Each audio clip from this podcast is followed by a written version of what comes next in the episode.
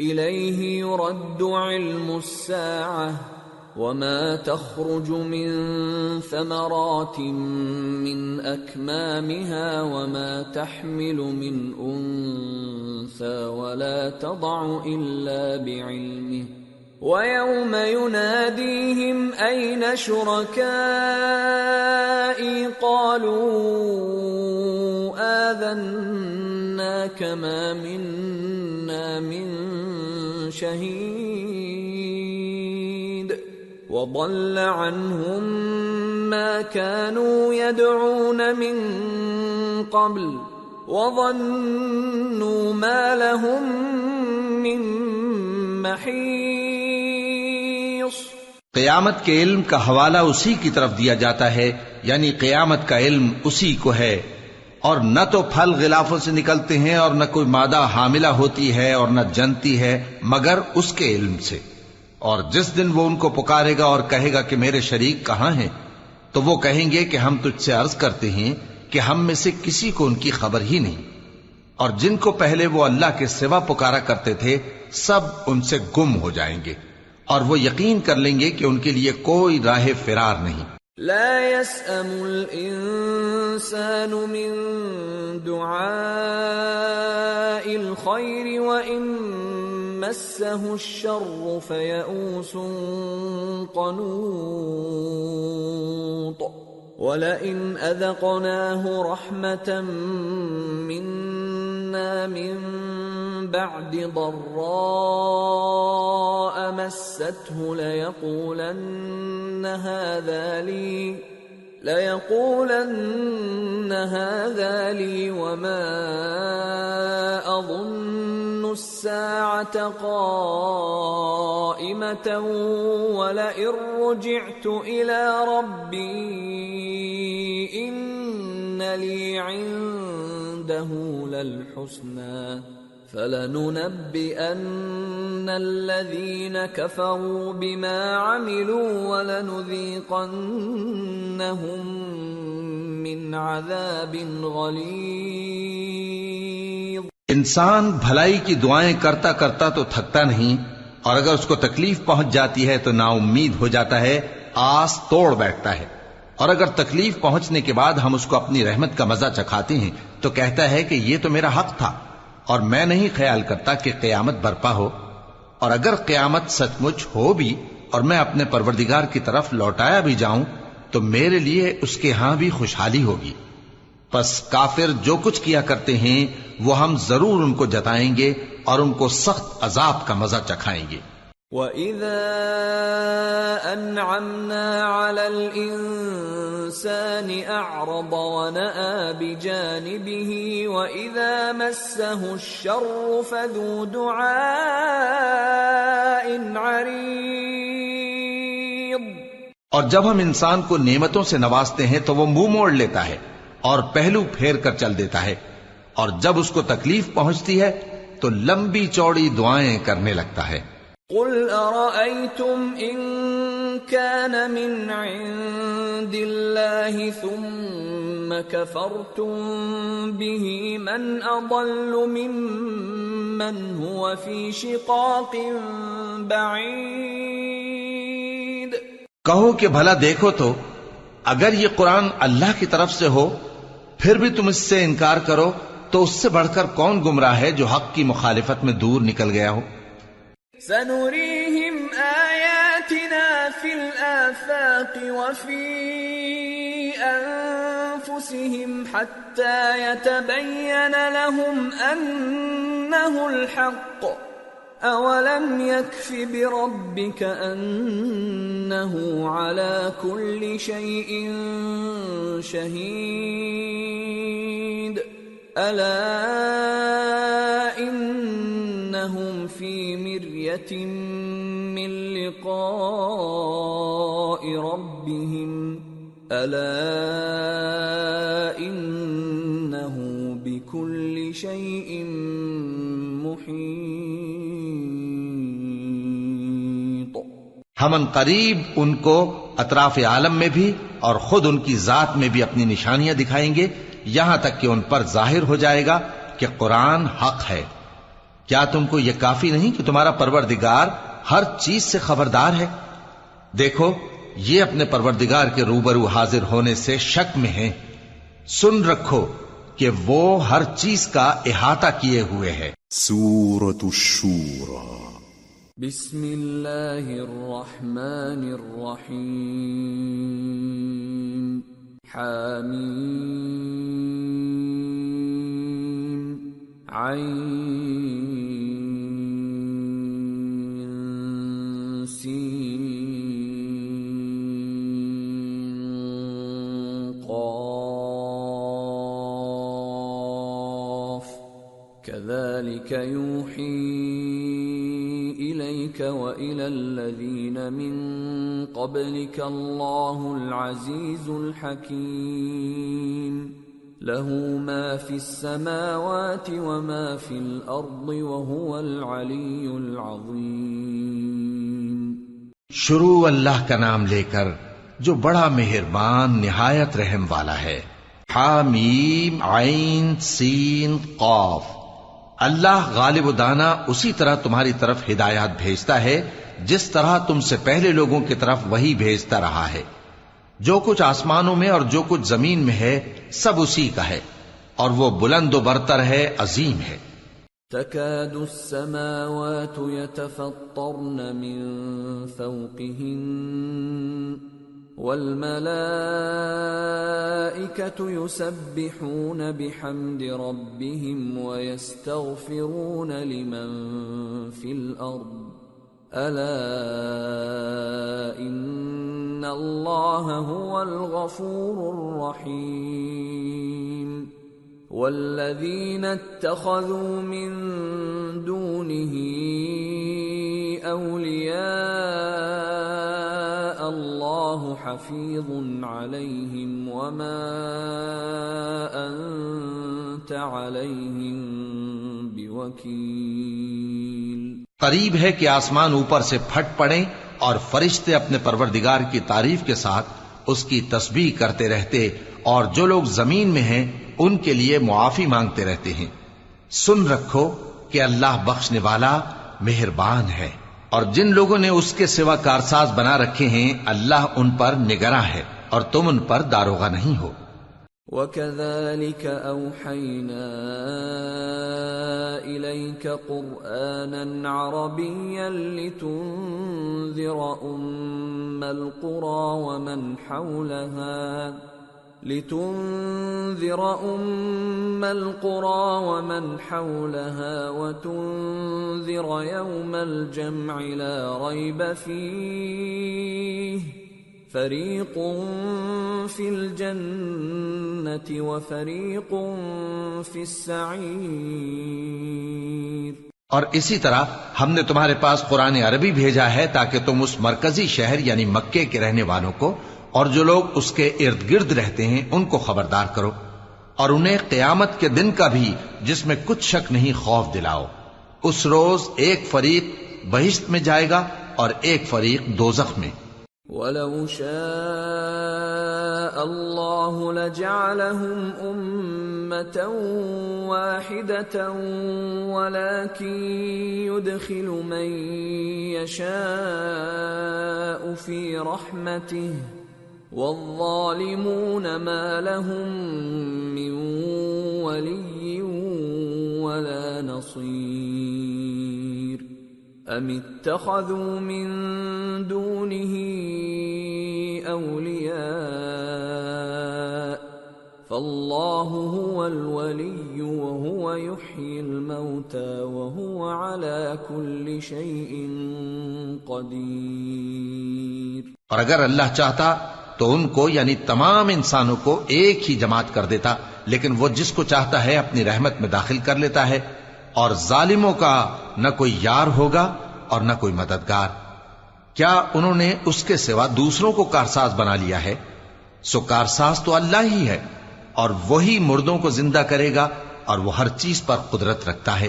وما اختلفتم فيه من شيء فحكمه إلى الله ذلكم الله ربي عليه توكلت وإليه أنيب۔ اور تم لوگ جس بات میں اختلاف کرتے ہو اس کا فیصلہ اللہ کی طرف سے ہوگا۔ یہی اللہ میرا پروردگار ہے میں اسی پر بھروسہ رکھتا ہوں اور اسی کی طرف رجوع کرتا ہوں۔ فاطر السماوات والأرض۔ جعل لكم من أنفسكم أزواجا ومن الأنعام أزواجا يذرأكم فيه. ليس كمثله شيء وهو السميع البصير. وہی ہے آسمانوں اور زمین کا پیدا کرنے والا، اسی نے تمہارے لیے تمہاری ہی جنس کے جوڑے بنائے اور چوپایوں کے بھی جوڑے بنائے۔ وہ اسی طرح تم کو پھیلاتا رہتا ہے۔ اس جیسی تو کوئی چیز نہیں اور وہ سنتا ہے دیکھتا ہے۔ له مقاليد السماوات والأرض۔ يبسط الرزق لمن يشاء ويقدر۔ إنه بكل شيء عليم۔ آسمانوں اور زمین کی کنجیاں اسی کے پاس ہیں۔ وہ جس کے لیے چاہتا ہے رزق فراخ کر دیتا ہے اور جس کے لیے چاہتا ہے تنگ کر دیتا ہے۔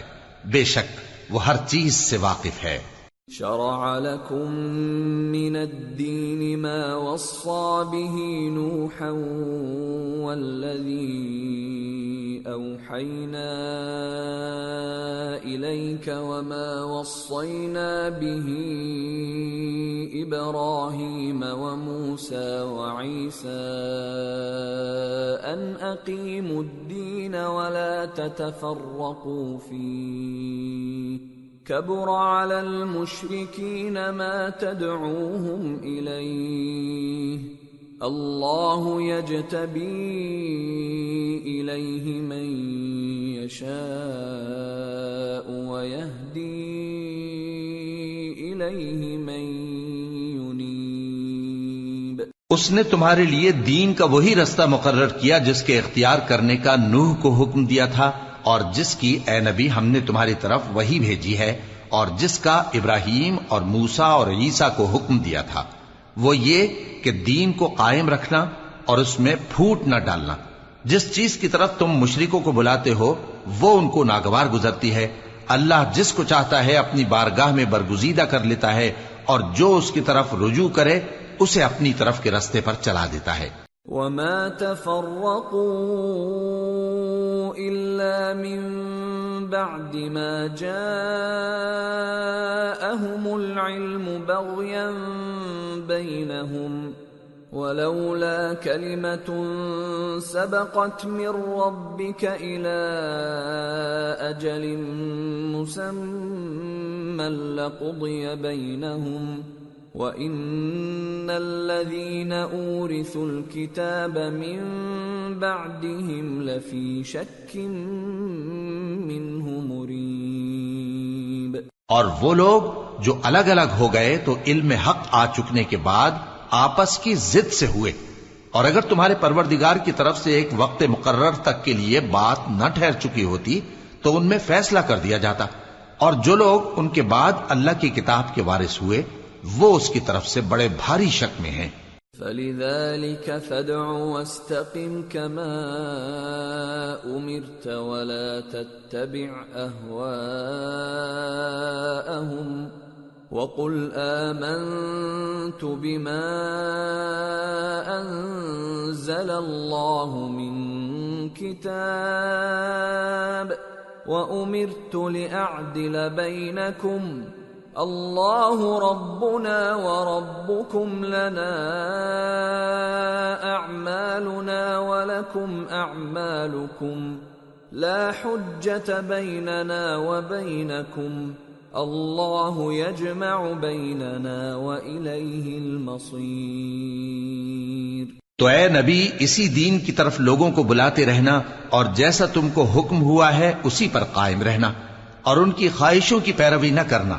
اور کہہ دو کہ جو کتاب اللہ نے نازل فرمائی ہے، میں اس پر ایمان رکھتا ہوں اور مجھے حکم ہوا ہے کہ تم میں انصاف کروں۔ اللہ ہی ہمارا اور تمہارا پروردگار ہے، ہم کو ہمارے اعمال کا بدلہ ملے گا اور تم کو تمہارے اعمال کا۔ ہم میں اور تم میں کچھ بحث و تکرار نہیں۔ اللہ ہم سب کو اکٹھا کرے گا اور اسی کی طرف لوٹ کر جانا ہے۔ والذين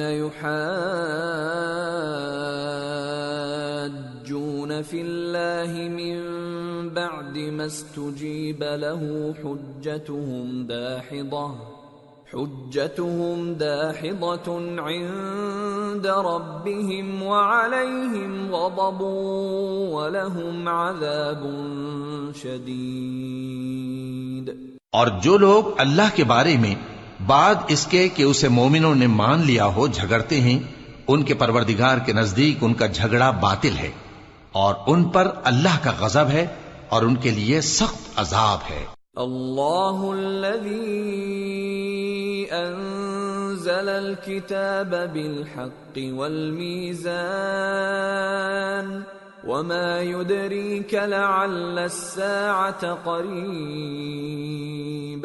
يستعجل بها الذين لا يؤمنون بها والذين آمنوا مشفقون منها ويعلمون أنها الحق. ألا إن الذين يمارون في الساعة لفي ضلال بعيد. اللہ ہی تو ہے جس نے سچائی کے ساتھ یہ کتاب نازل کی اور عدل و انصاف کی ترازو بھی۔ اور تم کو کیا معلوم؟ شاید قیامت قریب ہی آ پہنچی ہو۔ جو لوگ اس پر یعنی قیامت پر ایمان نہیں رکھتے، وہ اس کے لیے جلدی مچا رہے ہیں۔ اور جو مومن ہیں، وہ اس سے ڈرتے ہیں اور جانتے ہیں کہ وہ یقینی ہے۔ دیکھو، جو لوگ قیامت میں جھگڑتے ہیں، وہ پرلے درجے کی گمراہی میں ہیں۔ اللہ لطیف بعباده يرزق من يشاء وهو القوي العزيز۔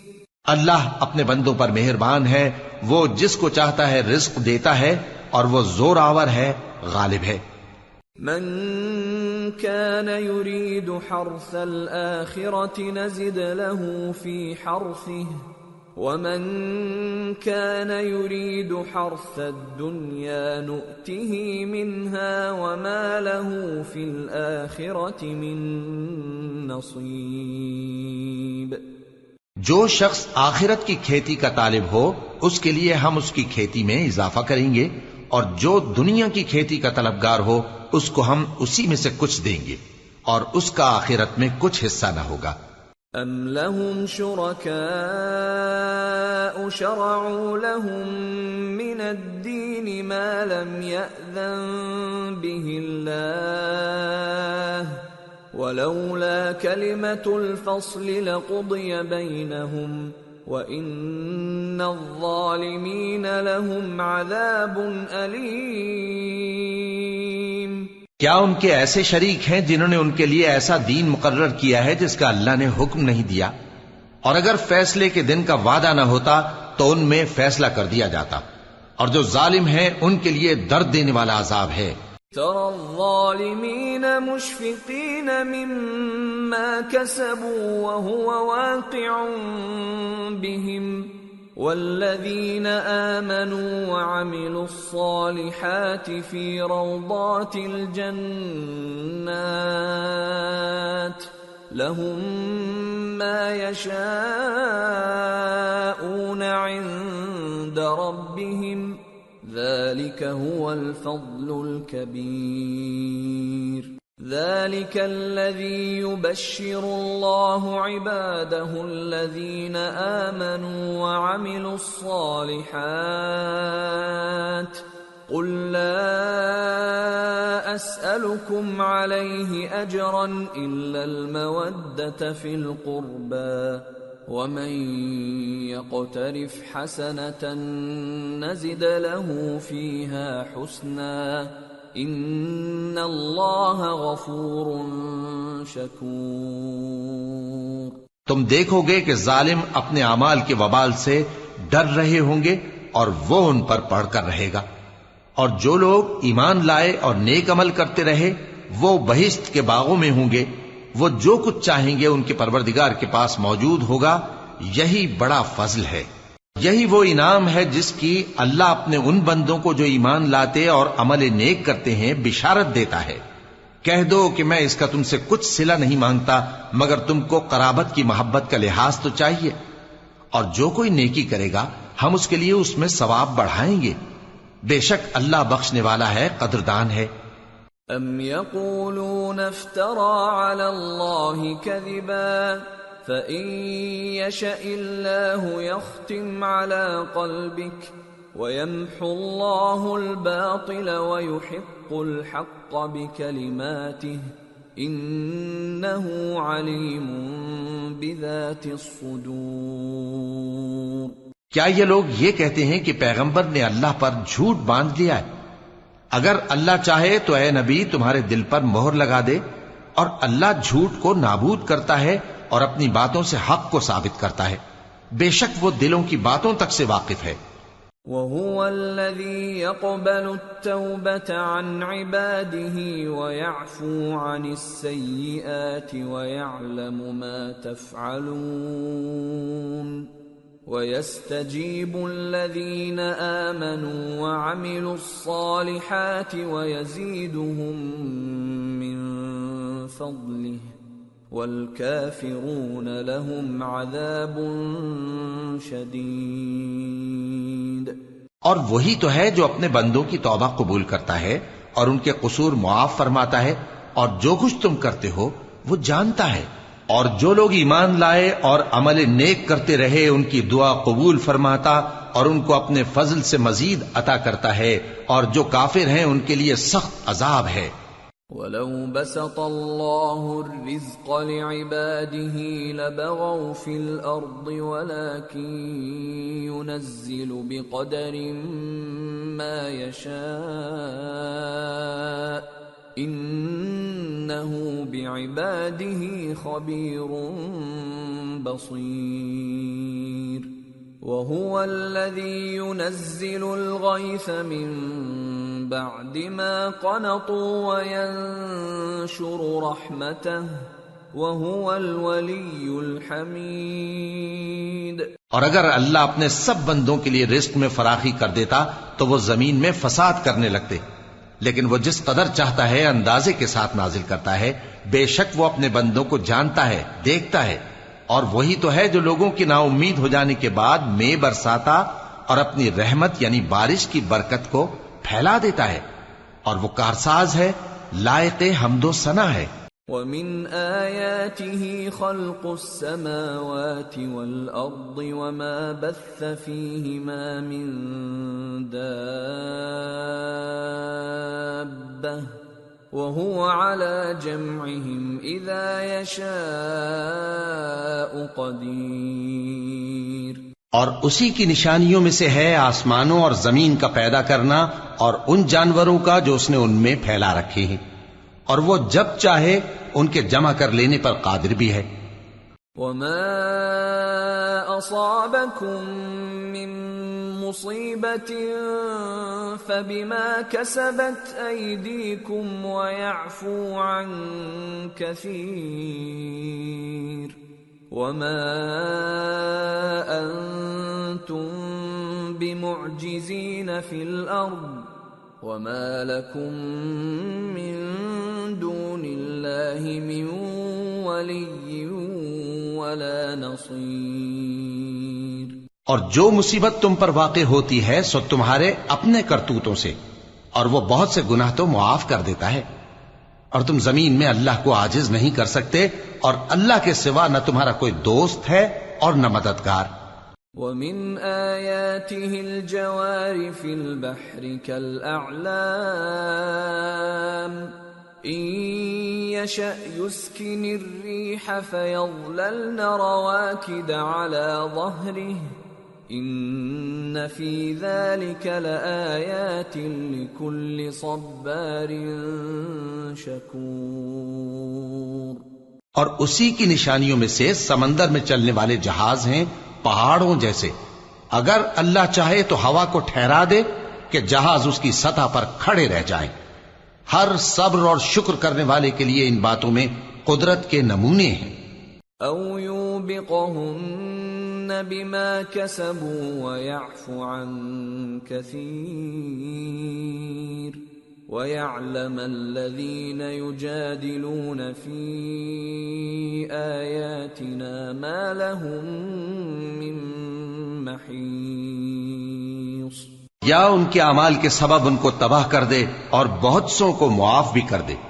اور سزا اس لیے دی جائے کہ جو لوگ ہماری آیتوں میں جھگڑتے ہیں وہ جان لیں۔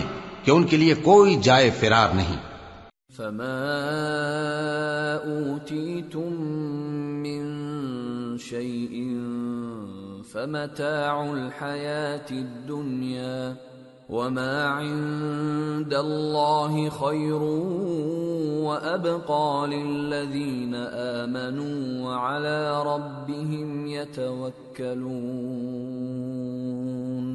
والذين يجتنبون كبائر الإثم والفواحش وإذا ما غضبوا هم يغفرون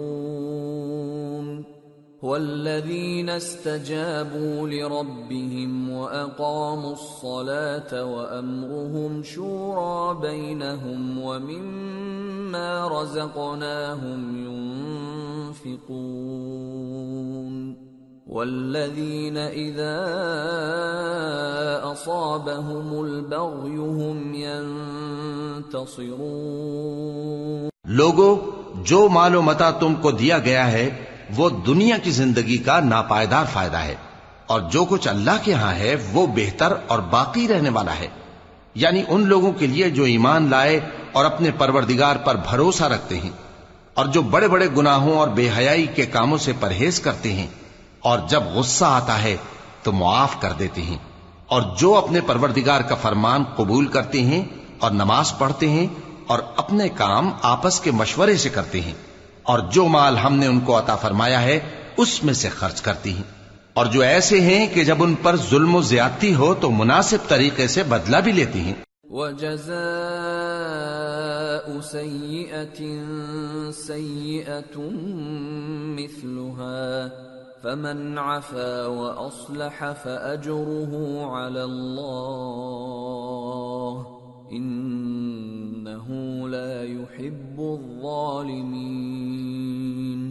اور برائی کا بدلہ تو اسی طرح کی برائی ہے، مگر جو درگزر کرے اور معاملے کو درست کر دے، تو اس کا بدلہ اللہ کے ذمے ہے۔ اس میں شک نہیں کہ وہ ظلم کرنے والوں کو پسند نہیں فرماتا۔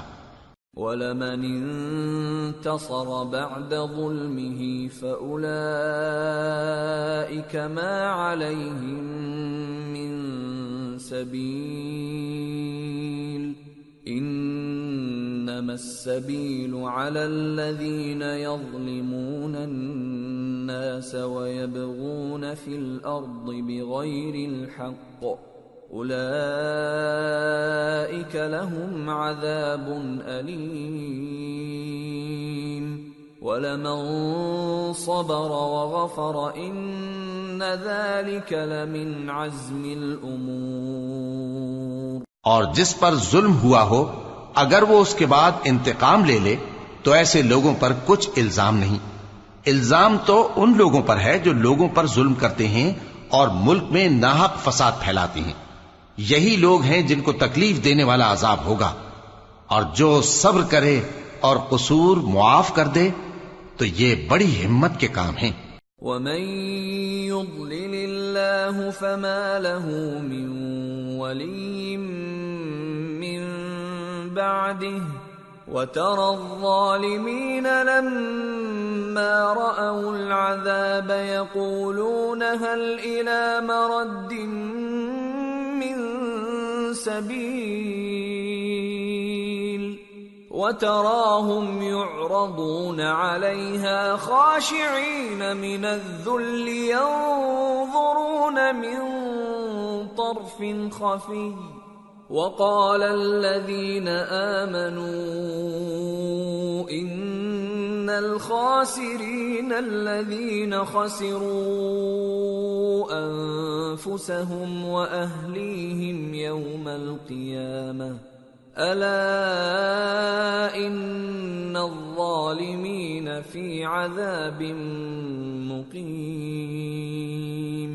وما كان لهم من اولياء ينصرونهم من دون الله ومن يضلل الله فما له من سبيل اور جس شخص کو اللہ گمراہ رہنے دے تو اس کے بعد اس کا کوئی دوست نہیں۔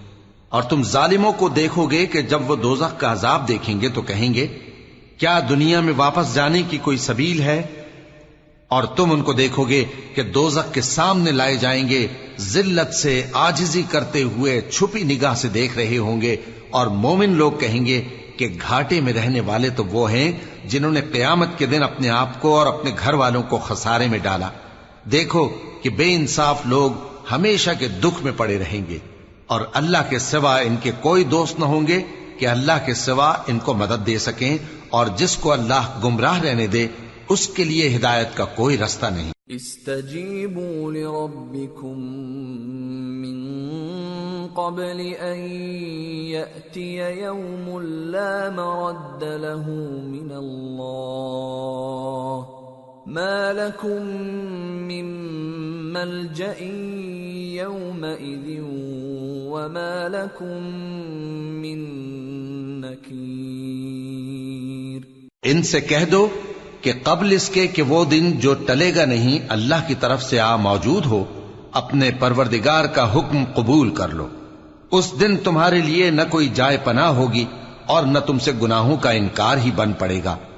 فَإِنْ أَعْرَضُوا فَمَا أَرْسَلْنَاكَ عَلَيْهِمْ حَفِيظًا إِنْ عَلَيْكَ إِلَّا الْبَلَاغُ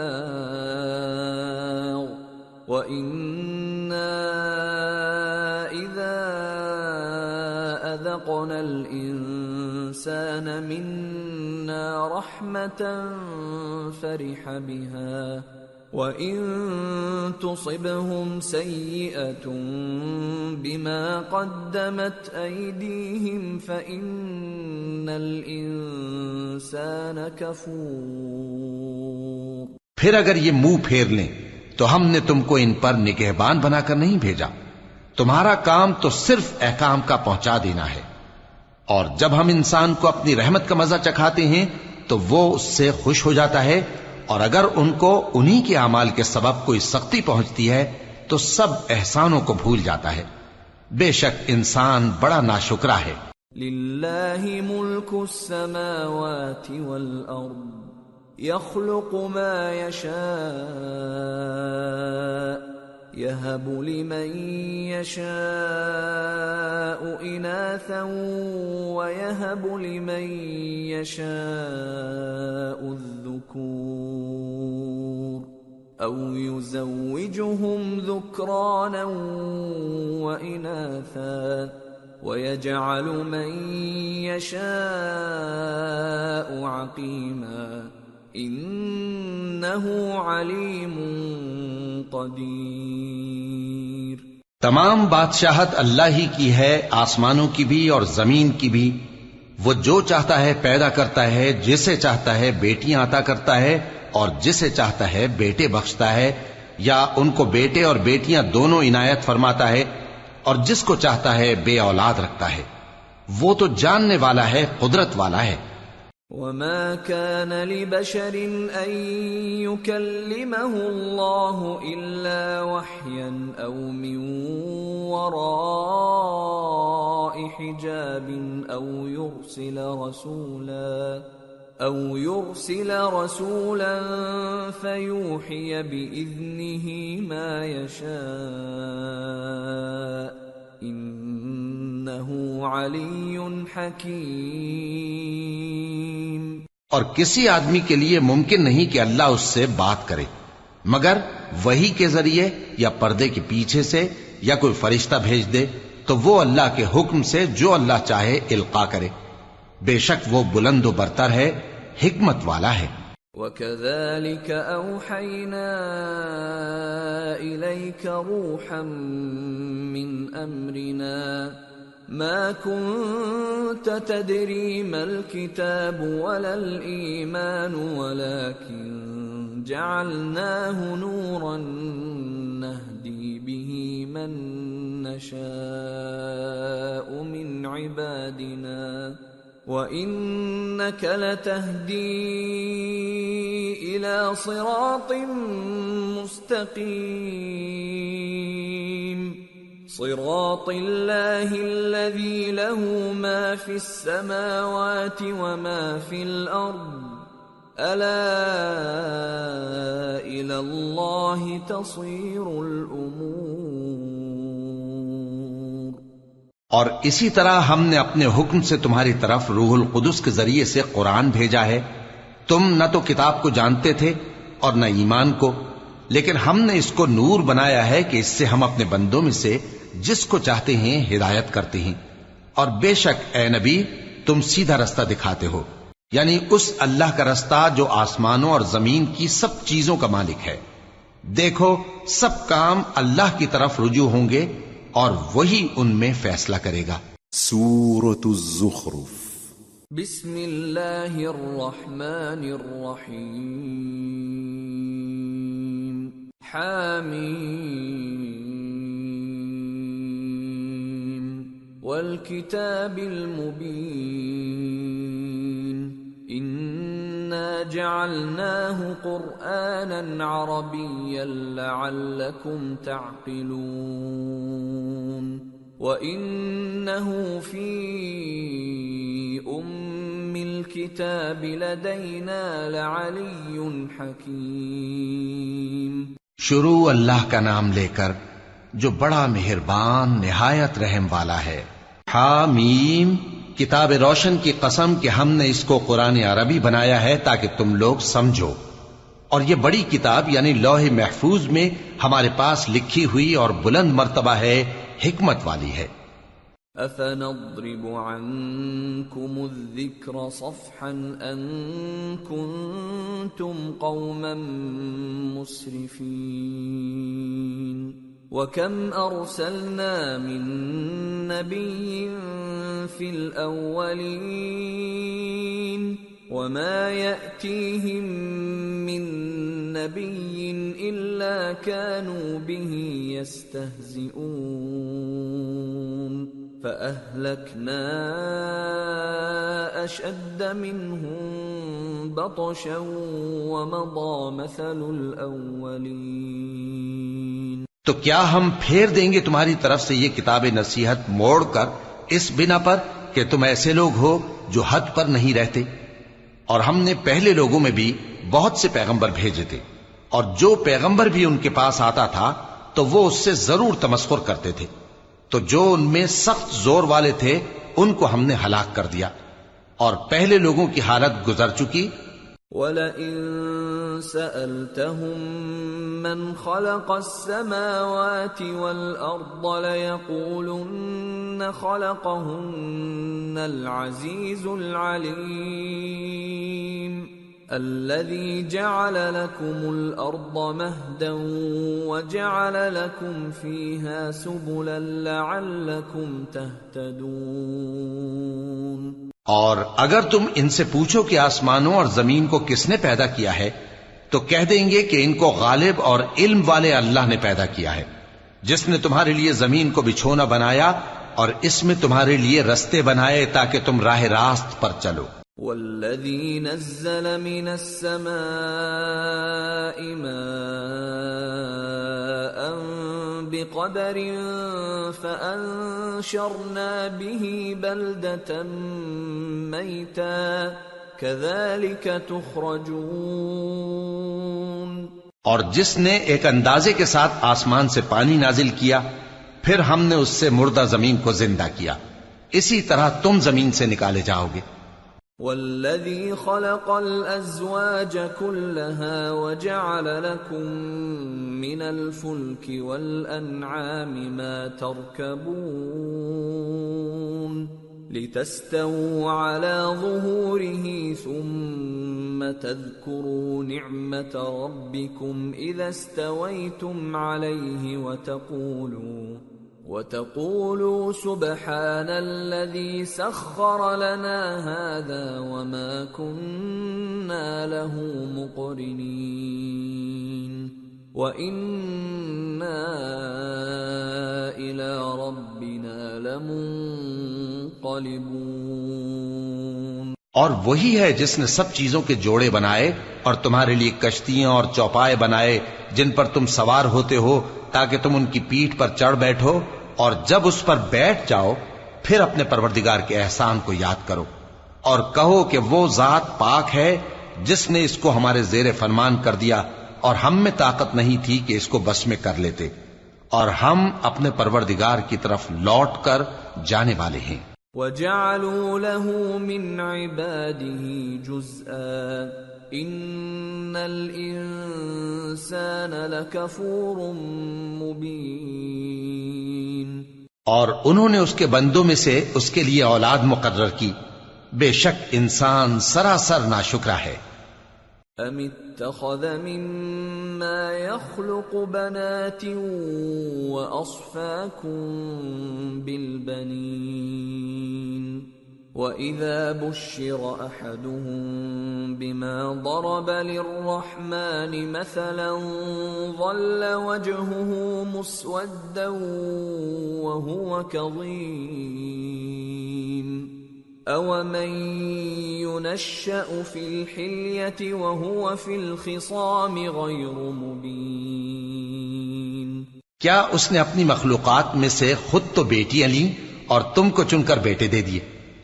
حالانکہ جب ان میں سے کسی کو اس ہستی کی یعنی لڑکی کی خوشخبری دی جاتی ہے جو انہوں نے اللہ کے لیے بیان کی ہے، تو اس کا چہرہ سیاہ پڑ جاتا ہے اور وہ اندر ہی اندر گھٹنے لگتا ہے۔ کیا وہ ہستی جو زیوروں میں پرورش پائے اور جھگڑے کے وقت بات نہ کر سکے اللہ کی اولاد ہو سکتی ہے؟ وجعلوا الملائكة الذين هم عباد الرحمن إناثا أشهدوا خلقهم ستكتب شهادتهم ويسألون اور انہوں نے فرشتوں کو کہ وہ رحمان کے بندے ہیں اس کی بیٹیاں ٹھہرایا۔ کیا یہ ان کی پیدائش کے وقت حاضر تھے؟ ان قریب ان کی شہادت لکھ لی جائے گی اور ان سے باس پرس کی جائے گی۔ وقالوا لو شاء الرحمن ما عبدناهم ما لهم بذلك من علم انهم الا يخرصون ام اتيناهم كتابا من قبله فهم به مستمسكون بل قالوا انا وجدنا آباءنا على أمة وإنا على آثارهم مهتدون اور کہتے ہیں، اگر رحمان چاہتا تو ہم ان کو نہ پوچھتے۔ ان کو اس کا کچھ علم نہیں، یہ تو صرف اٹکلیں دوڑا رہے ہیں۔ یا ہم نے ان کو اس سے پہلے کوئی کتاب دی تھی کہ یہ اس سے استدلال کرتے ہوں؟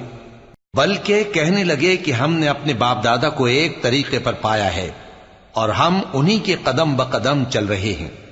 وكذلك ما أرسلنا من قبلك في قرية من نذير إلا قال مترفوها إلا قال مترفوها إنا وجدنا آباءنا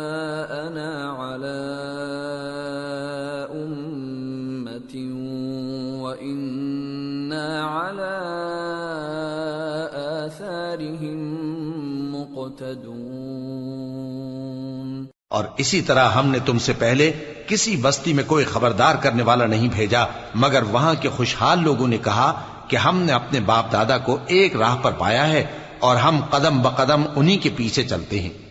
قال اولو جئتكم مما وجدتم عليه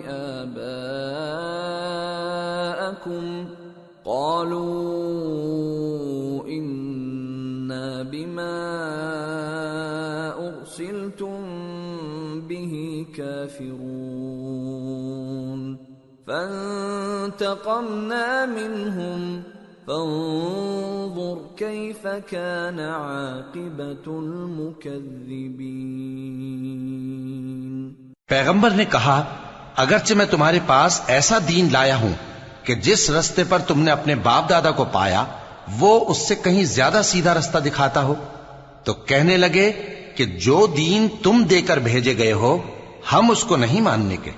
تو ہم نے ان سے انتقام لیا، سو دیکھ لو کہ جھٹلانے والوں کا انجام کیسا ہوا۔ وَإِذْ قَالَ إِبْرَاهِيمُ لِأَبِيهِ وَقَوْمِهِ، إِنَّنِي بَرَاءٌ مِّمَّا تَعْبُدُونَ۔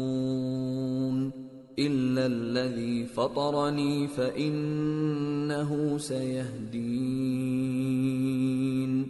وجعلها كلمة باقية في عقبه لعلهم يرجعون اور جب ابراہیم نے اپنے باپ اور اپنی قوم سے کہا کہ جن چیزوں کو تم پوچھتے ہو میں ان سے بیزار ہوں ہاں جس نے مجھ کو پیدا کیا، وہی مجھے سیدھے رستے پر لے چلے گا۔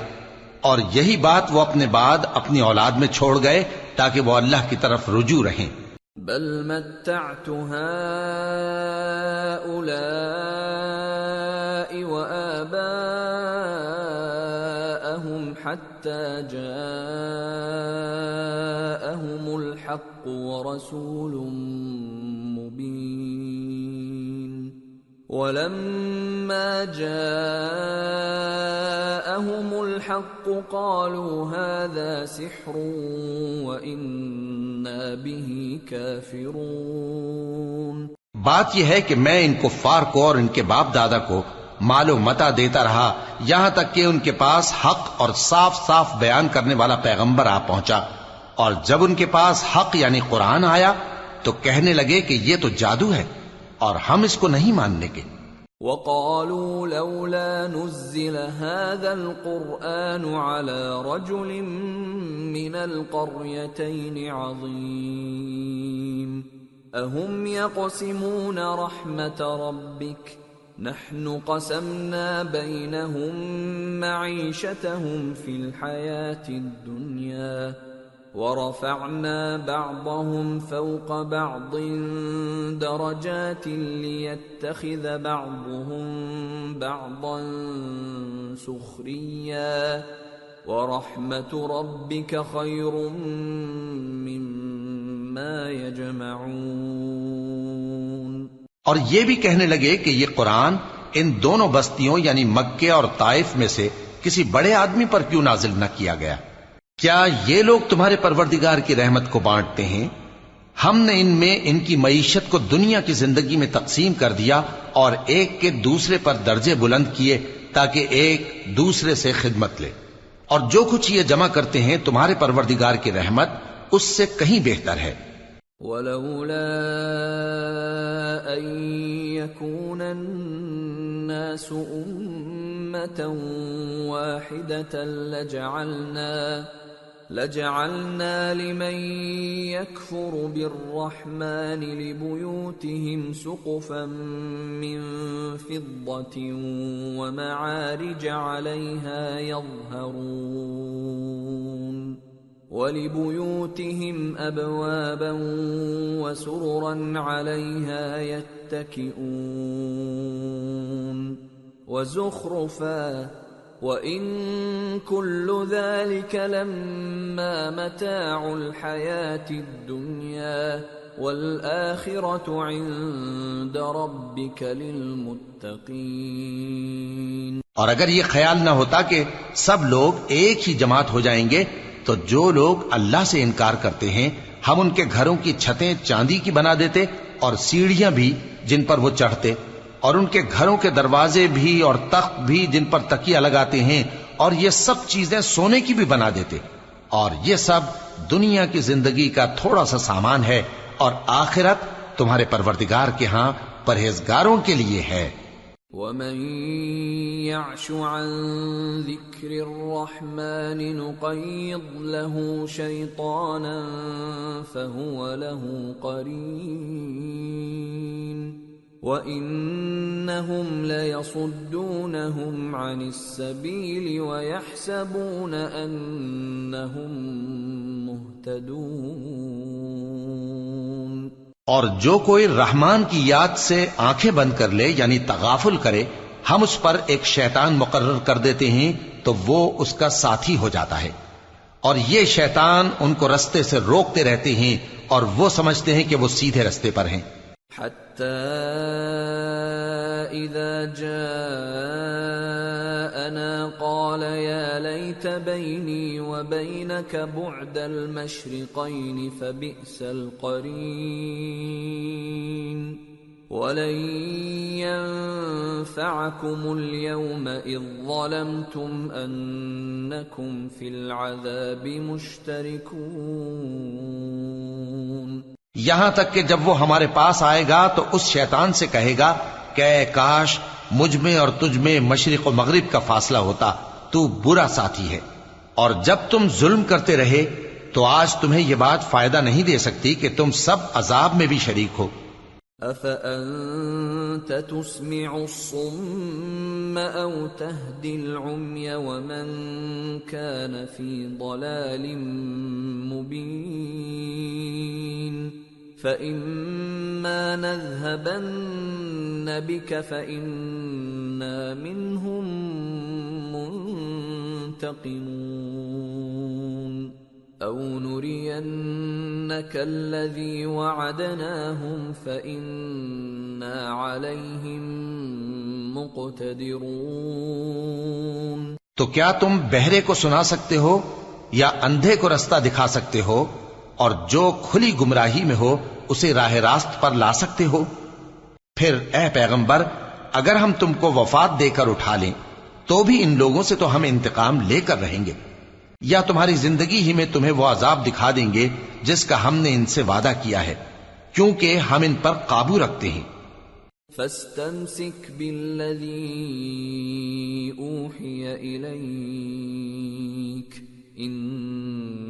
على صراط مستقيم.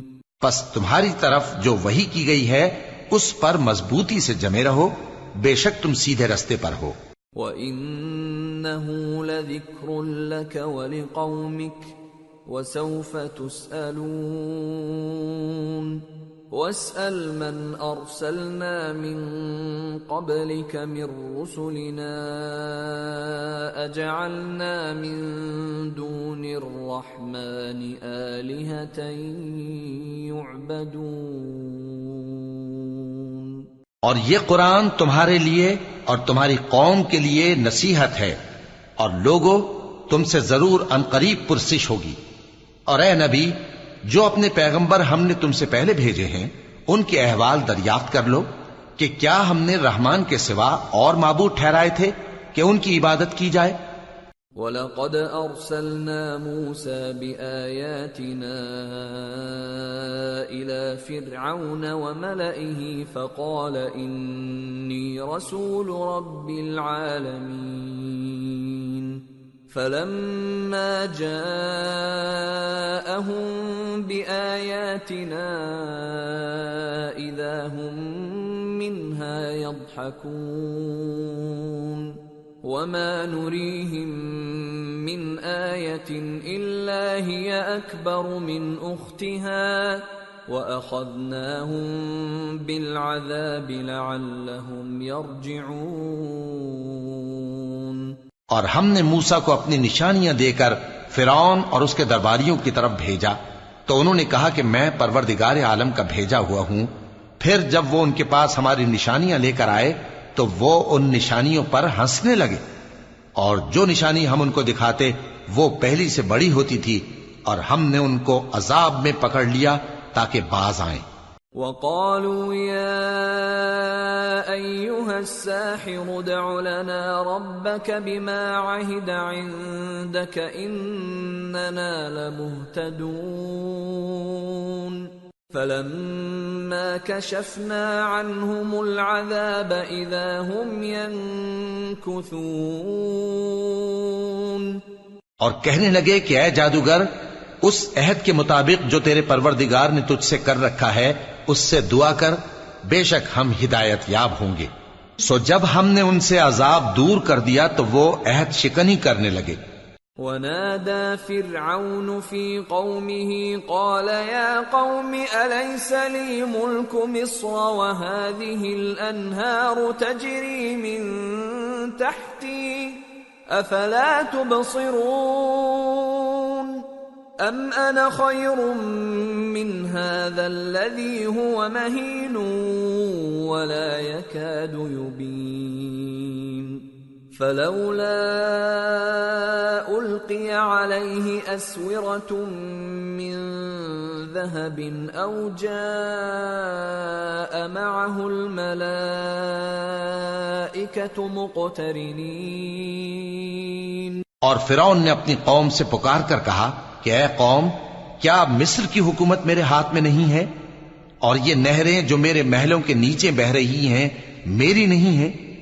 کیا تم دیکھتے نہیں؟ بے شک میں اس شخص سے جو کچھ عزت نہیں رکھتا اور صاف گفتگو بھی نہیں کر سکتا، کہیں بہتر ہوں۔ تو اس پر سونے کے کنگن کیوں نہ اتارے گئے؟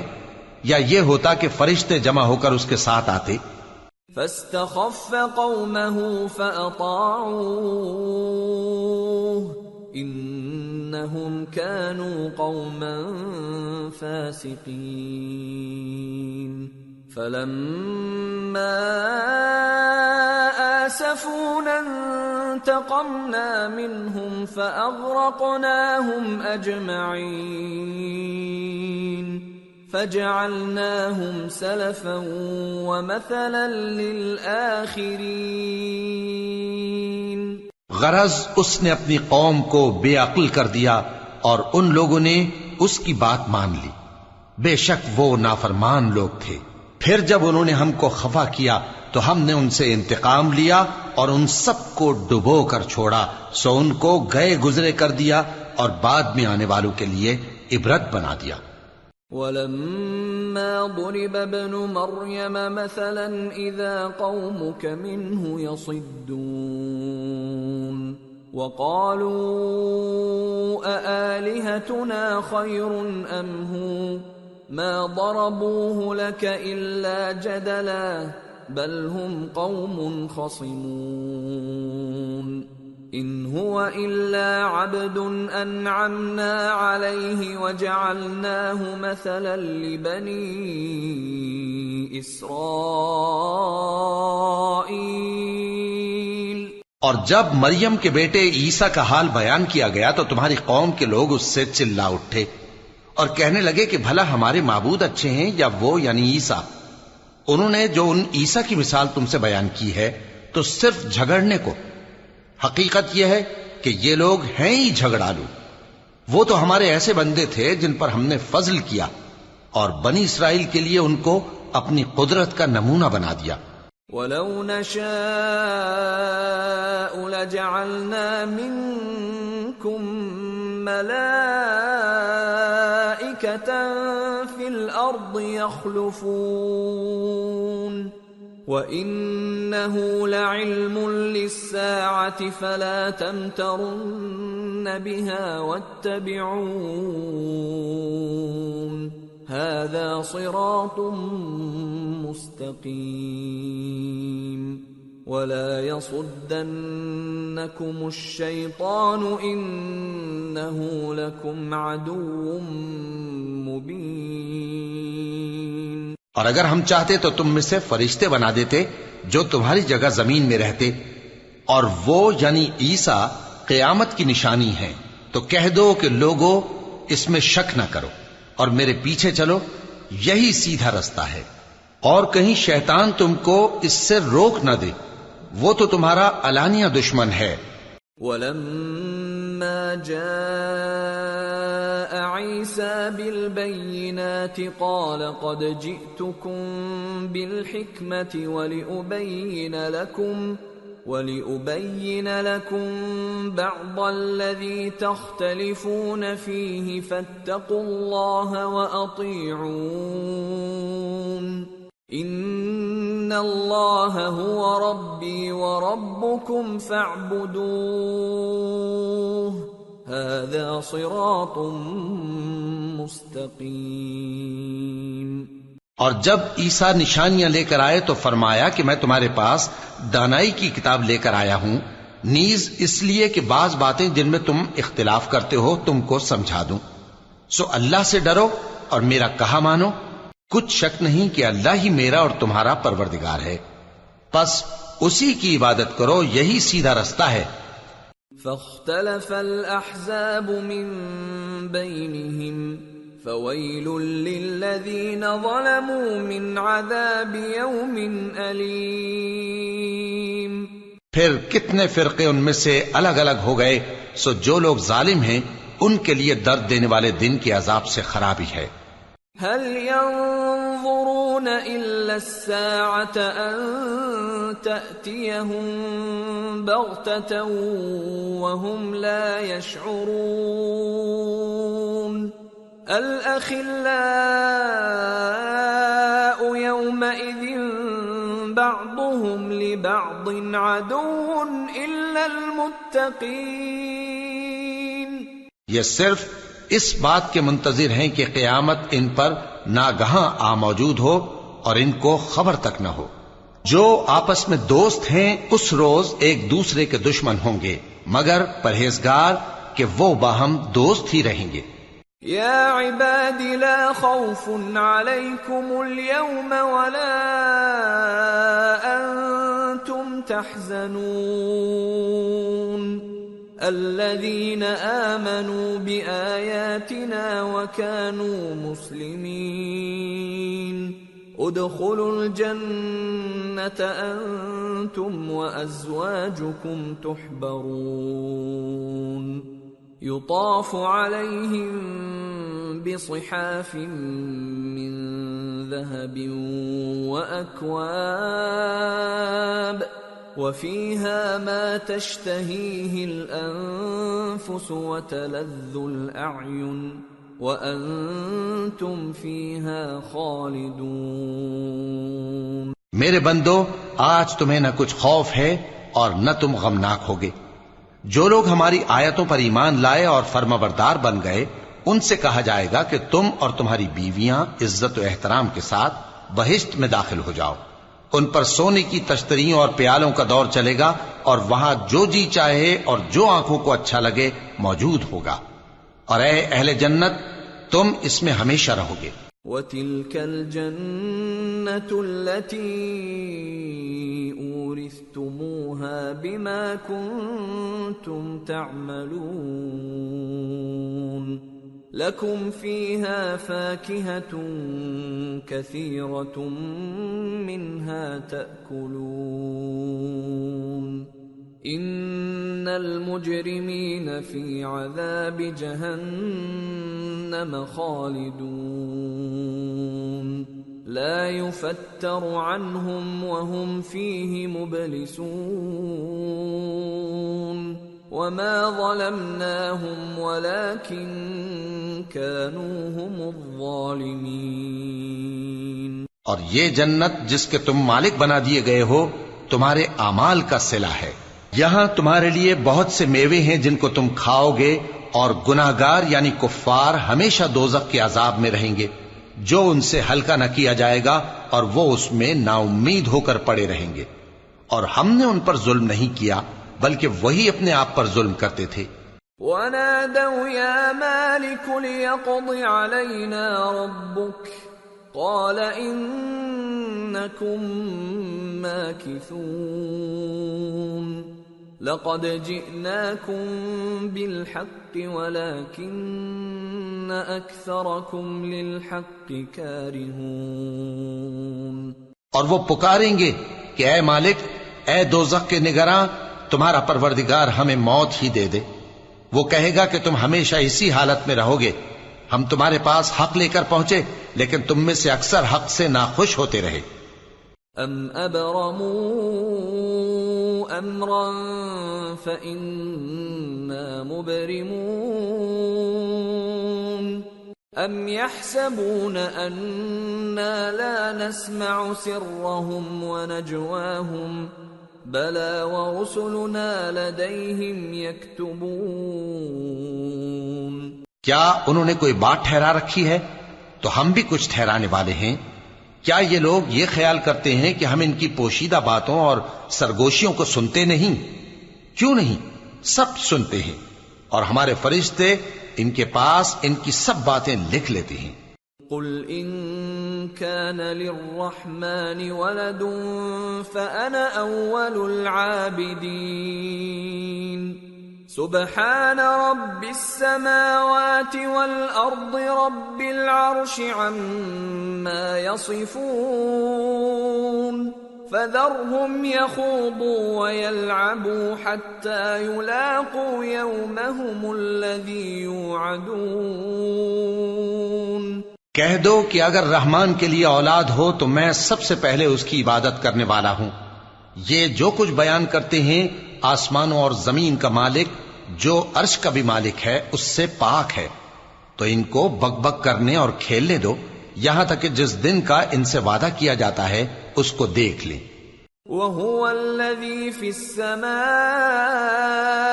إله وفي الأرض إله وهو الحكيم العليم. وتبارك الذي له ملك السماوات والأرض وما بينهما وعنده علم الساعة وعنده علم الساعة وإليه ترجعون. اور وہی آسمانوں میں بھی معبود ہے اور وہی زمین میں بھی معبود ہے اور وہ حکمت والا ہے علم والا ہے اور وہ بہت بابرکت ہے جس کے لیے آسمانوں اور زمین اور جو کچھ ان دونوں میں ہے سب کی حکومت ہے اور اسی کو قیامت کا علم ہے اور اسی کی طرف تم لوٹ کر جاؤ گے۔ ولا يملك الذين يدعون من دونه الشفاعة إلا من شهد بالحق وهم يعلمون۔ اور جن کو یہ لوگ اللہ کے سوا پکارتے ہیں وہ تو سفارش کا کچھ اختیار نہیں رکھتے۔ ہاں جو علم و یقین کے ساتھ حق کی گواہی دیں، وہ سفارش کر سکتے ہیں۔ وَلَئِن سَأَلْتَهُم من خلقهم ليقولن الله فأنا يؤفكون وقيله يا رب إن هؤلاء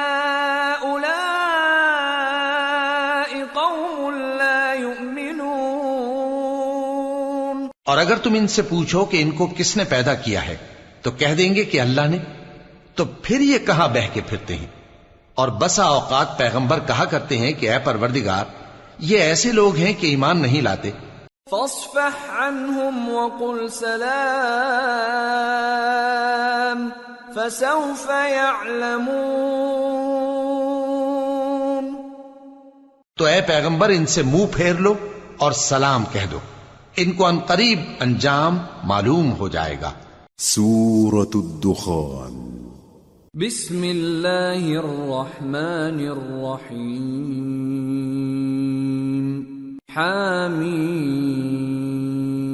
حميم والكتاب المبين إنا أن أنزلناه في ليلة مباركة. إنا كنا منذرين. فيها يفرق كل أمر حكيم. أمرا من عندنا. إنا كنا مرسلين. رحمة من ربك إنه هو السميع العليم۔ شروع اللہ کا نام لے کر جو بڑا مہربان، نہایت رحم والا ہے۔ حامیم۔ اس کتاب روشن کی قسم کہ ہم نے اس کو ایک مبارک رات میں نازل فرمایا، ہم تو خبردار کرنے والے ہیں۔ اسی رات میں تمام حکمت کے کام فیصل کیے جاتے ہیں یعنی ہمارے ہاں سے حکم ہو کر بے شک ہم ہی فرشتوں کو بھیجتے ہیں۔ یہ تمہارے پروردگار کی رحمت ہے، وہی تو سننے والا ہے، جاننے والا ہے۔ رب السماوات والأرض وما بينهما إن كنتم موقنين. لا إلا هو يحيي ويميت. ربكم ورب آبائكم الأولين. بل هم في شك يلعبون. آسمانوں اور زمین اور جو کچھ ان دونوں میں ہے سب کا مالک، بشرطے کہ تم لوگ یقین کرنے والے ہو۔ اس کے سوا کوئی معبود نہیں، وہی زندگی دیتا ہے اور وہی موت دیتا ہے۔ وہی تمہارا اور تمہارے پہلے باپ دادوں کا پروردگار ہے۔ لیکن یہ لوگ شک میں پڑے کھیل رہے ہیں۔ فارتقب يوم تأتي السماء بدخان مبين يغشى الناس۔ هذا عذاب أليم ربنا اكشف عنا العذاب، إنا مؤمنون۔ تو اس دن کا انتظار کرو کہ آسمان سے صاف دھواں نکلے گا، جو لوگوں پر چھا جائے گا۔ یہ درد دینے والا عذاب ہے۔ اس وقت وہ کہیں گے کہ اے پروردگار، ہم سے اس عذاب کو دور کر، ہم ایمان لاتے ہیں۔ أنا لهم الذكرى وقد جاءهم رسول مبين ثم تولوا عنه وقالوا معلم مجنون إنا كاشف العذاب قليلا إنكم عائدون. يوم نبطش البطشة الكبرى، إنا منتقمون. اس وقت ان کو نصیحت کہاں مفید ہوگی؟ جبکہ ان کے پاس پیغمبر آ چکے جو ہمارے احکام کھول کر بیان کر دیتے تھے، پھر انہوں نے ان سے منہ پھیر لیا اور کہنے لگے یہ تو سکھایا پڑھایا ہوا ہے، دیوانہ ہے۔ ہم تو تھوڑے دنوں عذاب ٹال دیتے ہیں، مگر تم پھر کفر کرنے لگتے ہو۔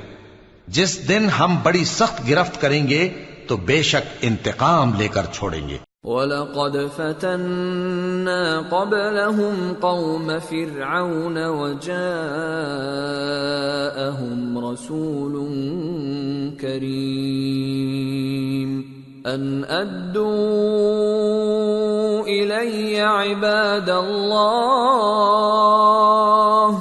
إِنِّي لَكُمْ رَسُولٌ أَمِينٌ. اور ان سے پہلے ہم نے قوم فرون کی آزمائش کی اور ان کے پاس ایک عالی قدر پیغمبر آئے، جنہوں نے یہ کہا کہ اللہ کے بندوں یعنی بنی اسرائیل کو میرے حوالے کر دو، میں تمہارا امانت دار پیغمبر ہوں۔ وَأَلَّا تَعْلُوا عَلَى اللَّهِ إِنِّي آتِيكُمْ بِسُلْطَانٍ مُبِينٍ وَإِنِّي عُذْتُ بِرَبِّي وَرَبِّكُمْ أَن تَرْجُمُونَ وَإِن لَّمْ تُؤْمِنُوا لِي فَاعْتَزِلُونِ. فَدَعَا رَبَّهُ أَنَّ هَٰؤُلَاءِ قَوْمٌ مُجْرِمُونَ. فَأَسْرِ بِعِبَادِي لَيْلًا إِنَّكُمْ مُتَّبَعُونَ وَاتْرُكِ الْبَحْرَ رَهْوًا إِنَّهُمْ جُندٌ مُغْرَقُونَ. اور اللہ کے سامنے سرکشی نہ کرو، میں تمہارے پاس کھلی دلیل لے کر آیا ہوں۔ اور اس بات سے کہ تم مجھے سنسار کرو، میں اپنے اور تمہارے پروردگار کی پناہ لے چکا ہوں۔ اور اگر مجھ پر ایمان نہیں لاتے تو مجھ سے الگ ہو جاؤ۔ تب موسا نے اپنے پروردگار سے دعا کی کہ یہ نافرمان لوگ ہیں۔ اللہ نے فرمایا کہ اچھا میرے بندوں کو راتوں رات لے کر چلے جاؤ اور فرونی ضرور تمہارا تعاقب کریں گے اور سمندر سے کہ ٹھہرا ہوا ہوگا پار ہو جانا۔ تمہارے بعد وہ پورا لشکر ڈبو دیا جائے گا۔ كم تركوا من جنات وعيون وزروع ومقام كريم ونعمة كانوا فيها فاكهين. كذلك وأورثناها قوما آخرين. فما بكت عليهم السماء والأرض وما كانوا منظرين وہ لوگ بہت سے باغ اور چشمے چھوڑ گئے اور کھیتیاں اور نفیس مکان اور, اور آرام کی چیزیں جن میں وہ عیش کیا کرتے تھے۔ اسی طرح ہوا اور ہم نے دوسرے لوگوں کو ان چیزوں کا مالک بنا دیا۔ پھر ان پر نہ تو آسمان اور زمین کو رونا آیا اور نہ ان کو مہلت ہی دی گئی۔ وَلَقَدْ نَجَّيْنَا بَنِي إِسْرَائِيلَ مِنَ الْعَذَابِ الْمُهِينِ مِنْ فِرْعَوْنَ إِنَّهُ كَانَ عَالِيًا مِنَ الْمُسْرِفِينَ. وَلَقَدِ اخْتَرْنَاهُمْ عَلَى عِلْمٍ عَلَى الْعَالَمِينَ. وَآتَيْنَاهُمْ مِنَ الْآيَاتِ مَا فِيهِ بَلَاءٌ مُبِينٌ. اور ہم نے بنی اسرائیل کو ذلت کے عذاب سے نجات دی یعنی فرعون سے۔ بے شک وہ سرکش اور حد سے نکلا ہوا تھا، اور ہم نے بنی اسرائیل کو اہل عالم میں سے علم کی بنیاد پر چنا تھا۔ اور ان کو ایسی نشانیاں دی تھیں جن میں کھلی آزمائش تھی۔ ان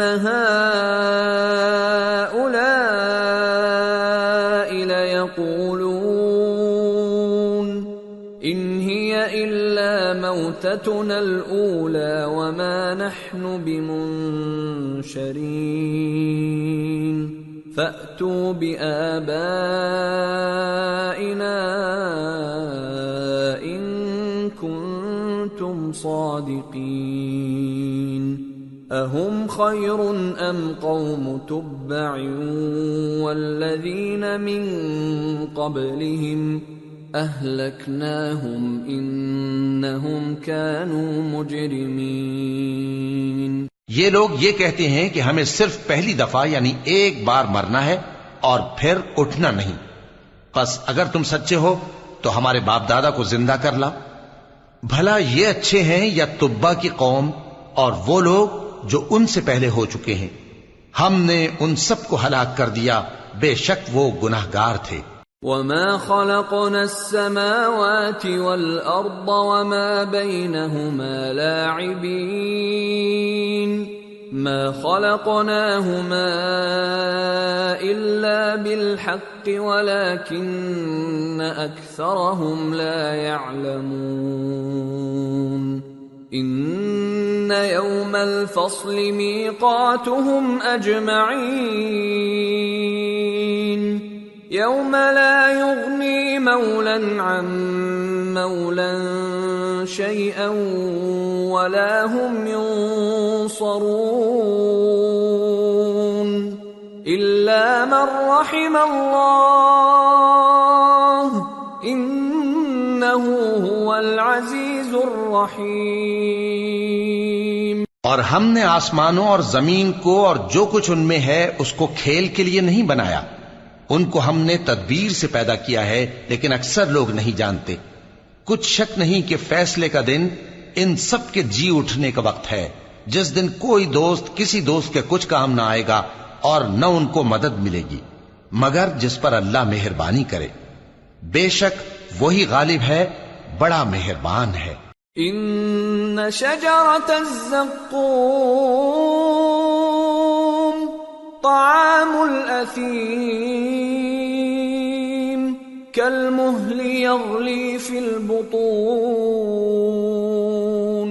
كغلي الحميم.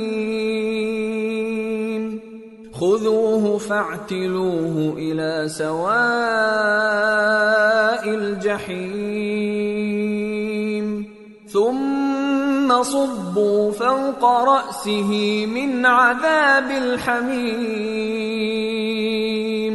ذق إنك أنت العزيز الكريم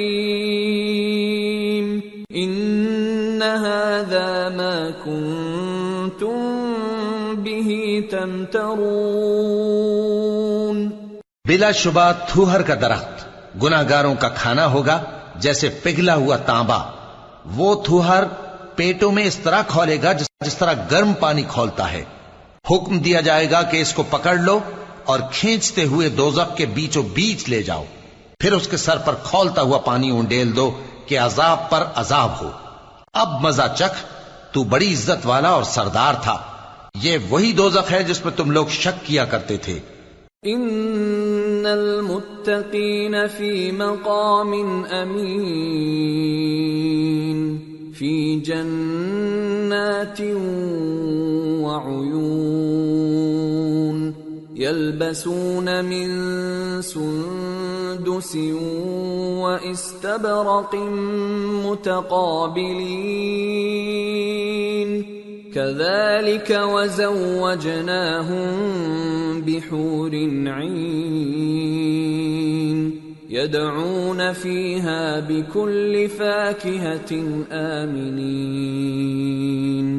لا يذوقون فيها الموت إلا الموتة الأولى ووقاهم عذاب الجحيم.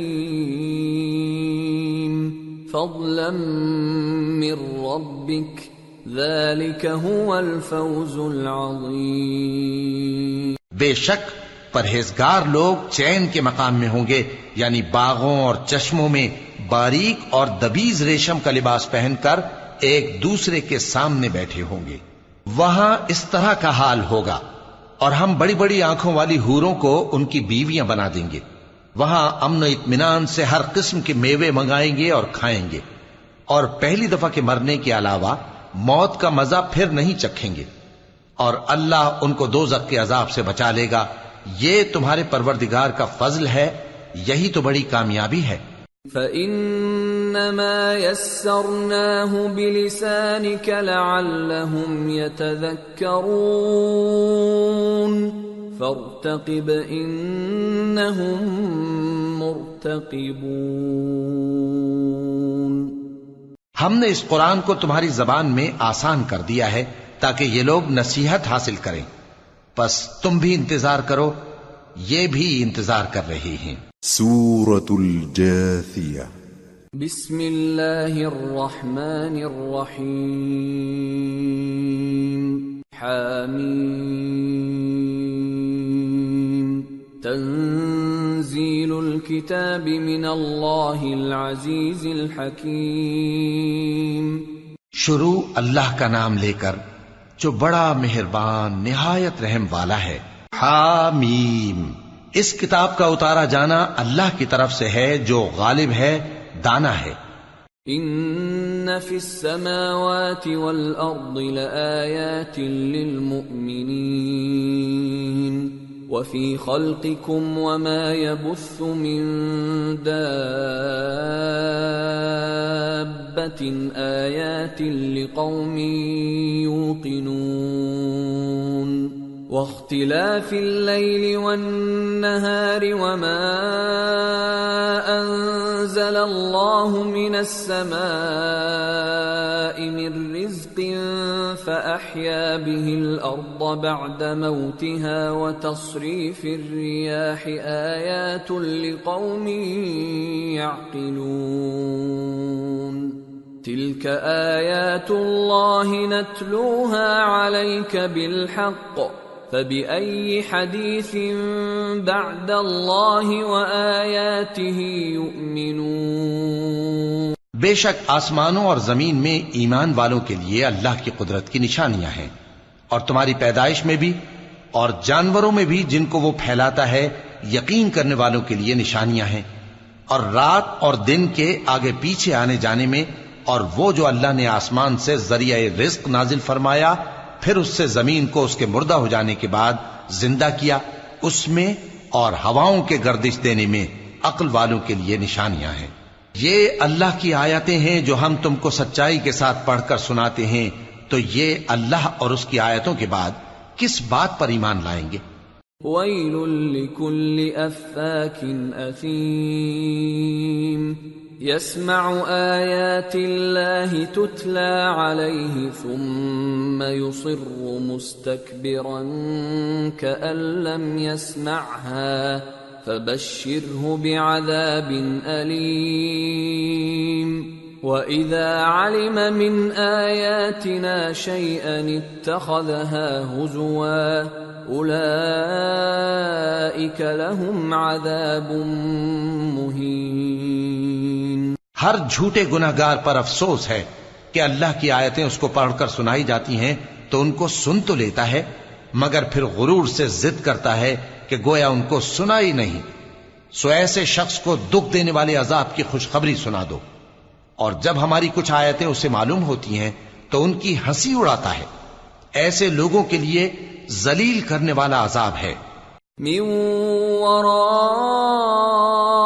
ورائهم جهنم ولا يغني عنهم ما كسبوا شيئا ولا ما اتخذوا من دون الله أولياء ولهم عذاب عظيم ان کے پیچھے دوزخ ہے اور جو بھی یہ کرتے رہے کچھ بھی ان کے کام نہ آئے گا۔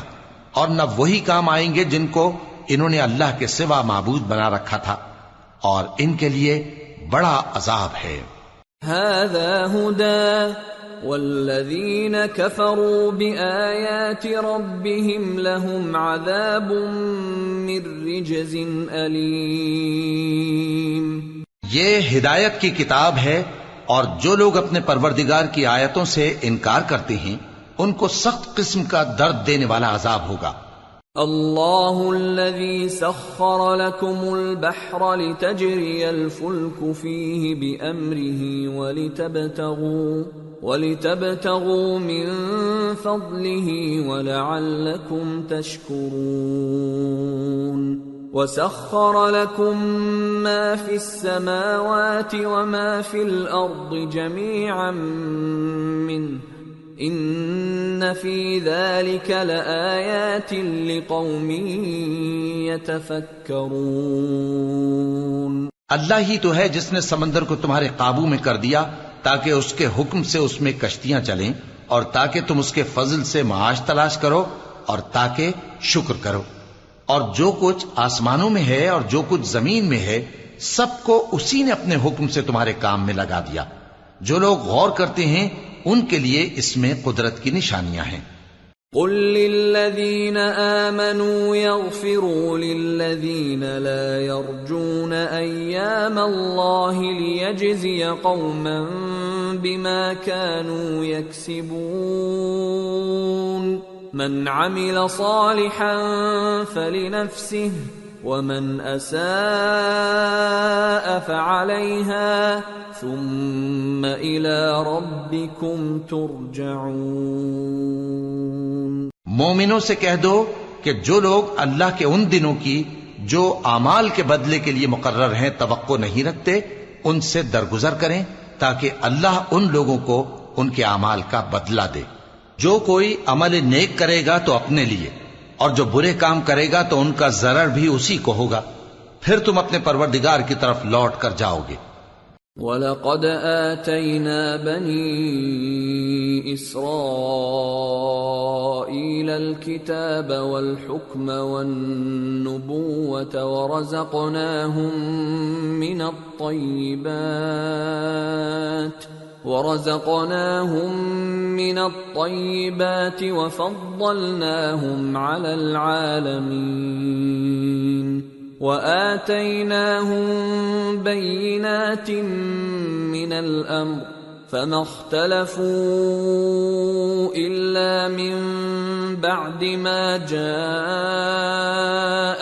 العلم بغيا بينهم. ان ربك يقضي بينهم يوم القيامه فيما كانوا فيه يختلفون اور ہم نے بنی اسرائیل کو کتاب ہدایت اور حکومت اور نبوت بخشی اور پاکیزہ چیزیں عطا فرمائیں اور اہل عالم پر ان کو فضیلت دی اور ان کو دین کے بارے میں دلیلیں عطا کی تو انہوں نے جو اختلاف کیا تو علم آ چکنے کے بعد آپس کی ضد سے کیا۔ بے شک تمہارا پروردگار قیامت کے دن ان میں ان باتوں کا جن میں وہ اختلاف کرتے تھے، فیصلہ کر دے گا۔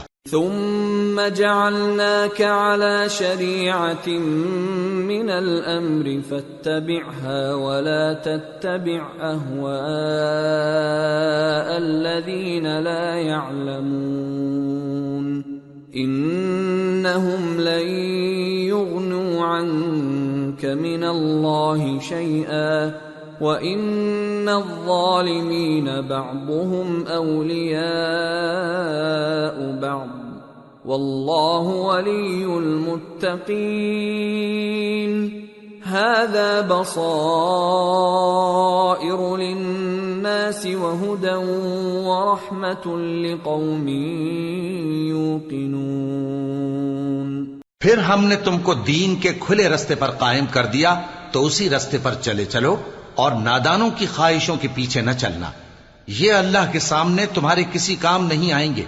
اور ظالم لوگ آپس میں ایک دوسرے کے دوست ہوتے ہیں اور اللہ پرہیزگاروں کا دوست ہے۔ یہ قرآن لوگوں کے لیے دانائی کی باتیں ہیں اور جو یقین رکھتے ہیں ان کے لیے ہدایت اور رحمت ہے۔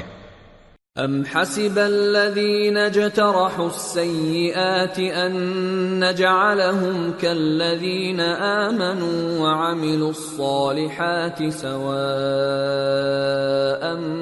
محياهم ومماتهم ساء ما يحكمون جو لوگ برے کام کرتے ہیں، کیا وہ یہ خیال کرتے ہیں کہ ہم ان کو ان لوگوں جیسا کر دیں گے؟ جو ایمان لائے اور عمل نیک کرتے رہے اور ان کی زندگی اور موت یکساں ہوگی۔ یہ جو دعوے کرتے ہیں برے ہیں۔ وخلق الله السماوات والأرض بالحق ولتجزى كل نفس بما كسبت وهم لا يظلمون۔ اور اللہ نے آسمانوں اور زمین کو حکمت سے پیدا کیا ہے اور تاکہ ہر شخص اپنے اعمال کا بدلہ پائے۔ اور لوگوں پر ظلم نہیں کیا جائے گا افرأيت من اتخذ إلهه هواه وأضله الله على علم وختم على سمعه وقلبه وختم على سمعه وقلبه وجعل على بصره غشاوة فمن يهديه من بعد الله افلا تذكرون بھلا تم نے اس شخص کو دیکھا جس نے اپنی خواہش کو اپنا معبود بنا رکھا ہے اور باوجود جاننے بوجھنے کے گمراہ ہو رہا ہے، تو اللہ نے بھی اس کو گمراہ رہنے دیا اور اس کے کانوں اور دل پر مہر لگا دی اور اس کی آنکھوں پر پردہ ڈال دیا۔ اب اللہ کے سوا اس کو کون راہ پر لا سکتا ہے؟ تو کیا تم لوگ نصیحت نہیں حاصل کرتے؟ وقالوا ما هي إلا حياتنا الدنيا، نموت ونحيا وما يهلكنا إلا الدهر وما لهم بذلك من علم إن هم إلا يظنون۔ اور کہتے ہیں کہ ہماری زندگی تو صرف دنیا ہی کی ہے کہ یہی مرتے اور جیتے ہیں اور ہمیں زمانہ ہی ہلاک کر دیتا ہے۔ اور ان کو اس کا کچھ علم نہیں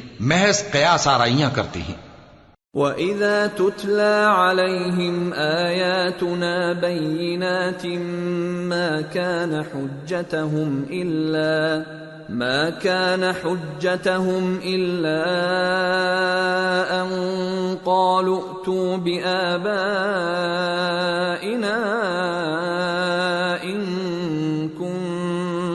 كنتم صادقين. قل الله يحييكم ثم يميتكم ثم يجمعكم الى يوم القيامه لا ريب فيه ولكن اكثر الناس لا يعلمون. اور جب ان کے سامنے ہماری کھلی کھلی آیتیں پڑھی جاتی ہیں تو ان کی یہی حجت ہوتی ہے کہ اگر سچے ہو تو ہمارے باپ دادا کو زندہ کر لاؤ۔ کہہ دو کہ اللہ ہی تم کو جان بخشتا ہے پھر وہی تم کو موت دیتا ہے پھر تم کو قیامت کے روز جس کے آنے میں کچھ شک نہیں تم کو جمع کرے گا لیکن بہت سے لوگ نہیں جانتے۔ وَلِلَّهِ مُلْكُ السَّمَاوَاتِ وَالْأَرْضِ وَيَوْمَ تَقُومُ السَّاعَةُ يَوْمَئِذٍ يَخْسَرُ الْمُبْطِلُونَ۔ اور آسمانوں اور زمین کی حکومت اللہ ہی کی ہے۔ اور جس روز قیامت برپا ہوگی، اس روز اہل باطل خسارے میں پڑ جائیں گے۔ وَتَرَى كُلَّ أُمَّةٍ جَاثِيَةٍ، كُلُّ أُمَّةٍ تُدْعَى إِلَى كِتَابِهَا الْيَوْمَ تُجْزَوْنَ مَا كُنْتُمْ تَعْمَلُونَ۔ هذا كتابنا ينطق عليكم بالحق. إنا كنا نستنسخ ما كنتم تعملون. اور تم ہر ایک فرقے کو دیکھو گے کہ گھٹنوں کے بل بیٹھا ہوگا اور ہر ایک جماعت اپنی کتاب اعمال کی طرف بلائی جائے گی۔ جو کچھ تم کرتے رہے ہو، آج تم کو اس کا بدلہ دیا جائے گا۔ یہ ہماری کتاب تمہارے بارے میں سچ سچ بیان کر دے گی۔ جو کچھ تم کیا کرتے تھے ہم لکھواتے جاتے تھے۔ فَأَمَّا الَّذِينَ آمَنُوا وَعَمِلُوا الصَّالِحَاتِ فَيُدْخِلُهُمْ رَبُّهُمْ فِي رَحْمَتِهِ ذَلِكَ هُوَ الْفَوْزُ الْمُبِينَ۔ اب جو لوگ ایمان لائے اور نیک کام کرتے رہے ان کا پروردگار انہیں اپنی رحمت کے باغ میں داخل کرے گا۔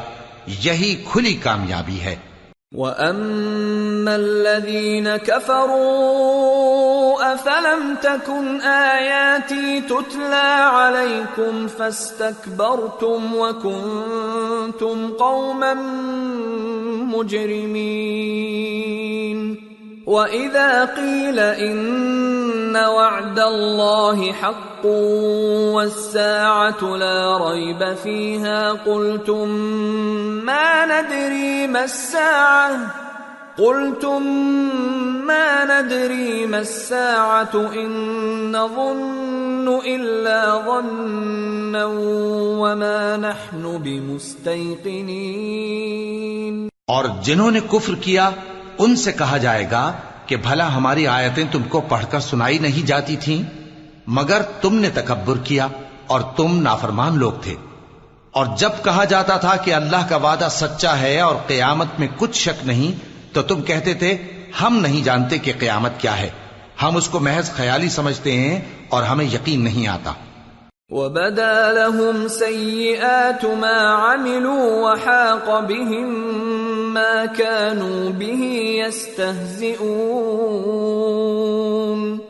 وَقِيلَ الْيَوْمَ نَنْسَاكُمْ كَمَا نَسِيتُمْ لِقَاءَ يَوْمِكُمْ هَذَا وَمَأْوَاكُمُ النَّارُ.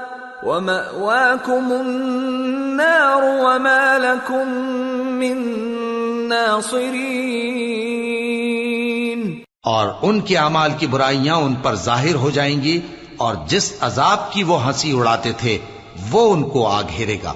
اور کہا جائے گا کہ جس طرح تم نے اس دن کے آنے کو بھلا رکھا تھا، اسی طرح آج ہم تمہیں بھلا دیں گے۔ اور تمہارا ٹھکانہ دوزخ ہے اور کوئی تمہارا مددگار نہیں۔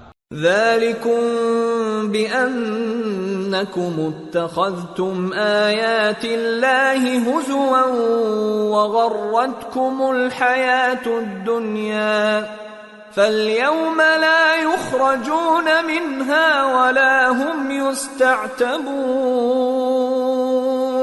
یہ اس لیے کہ تم نے اللہ کی آیتوں کو مذاق بنا رکھا تھا اور دنیا کی زندگی نے تم کو دھوکے میں ڈال رکھا تھا۔ سو آج یہ لوگ نہ دوزخ سے نکالے جائیں گے اور نہ ان کی توبہ قبول کی جائے گی۔ فلله الحمد رب السماوات ورب الأرض رب العالمين وله الكبرياء في السماوات والأرض وهو العزيز الحكيم بس اللہ ہی کے لیے ہر طرح کی تعریف ہے جو آسمانوں کا مالک ہے اور زمین کا بھی مالک اور تمام جہانوں کا پروردگار ہے اور آسمانوں اور زمین میں اسی کے لیے بڑائی ہے اور وہ غالب ہے، دانا ہے۔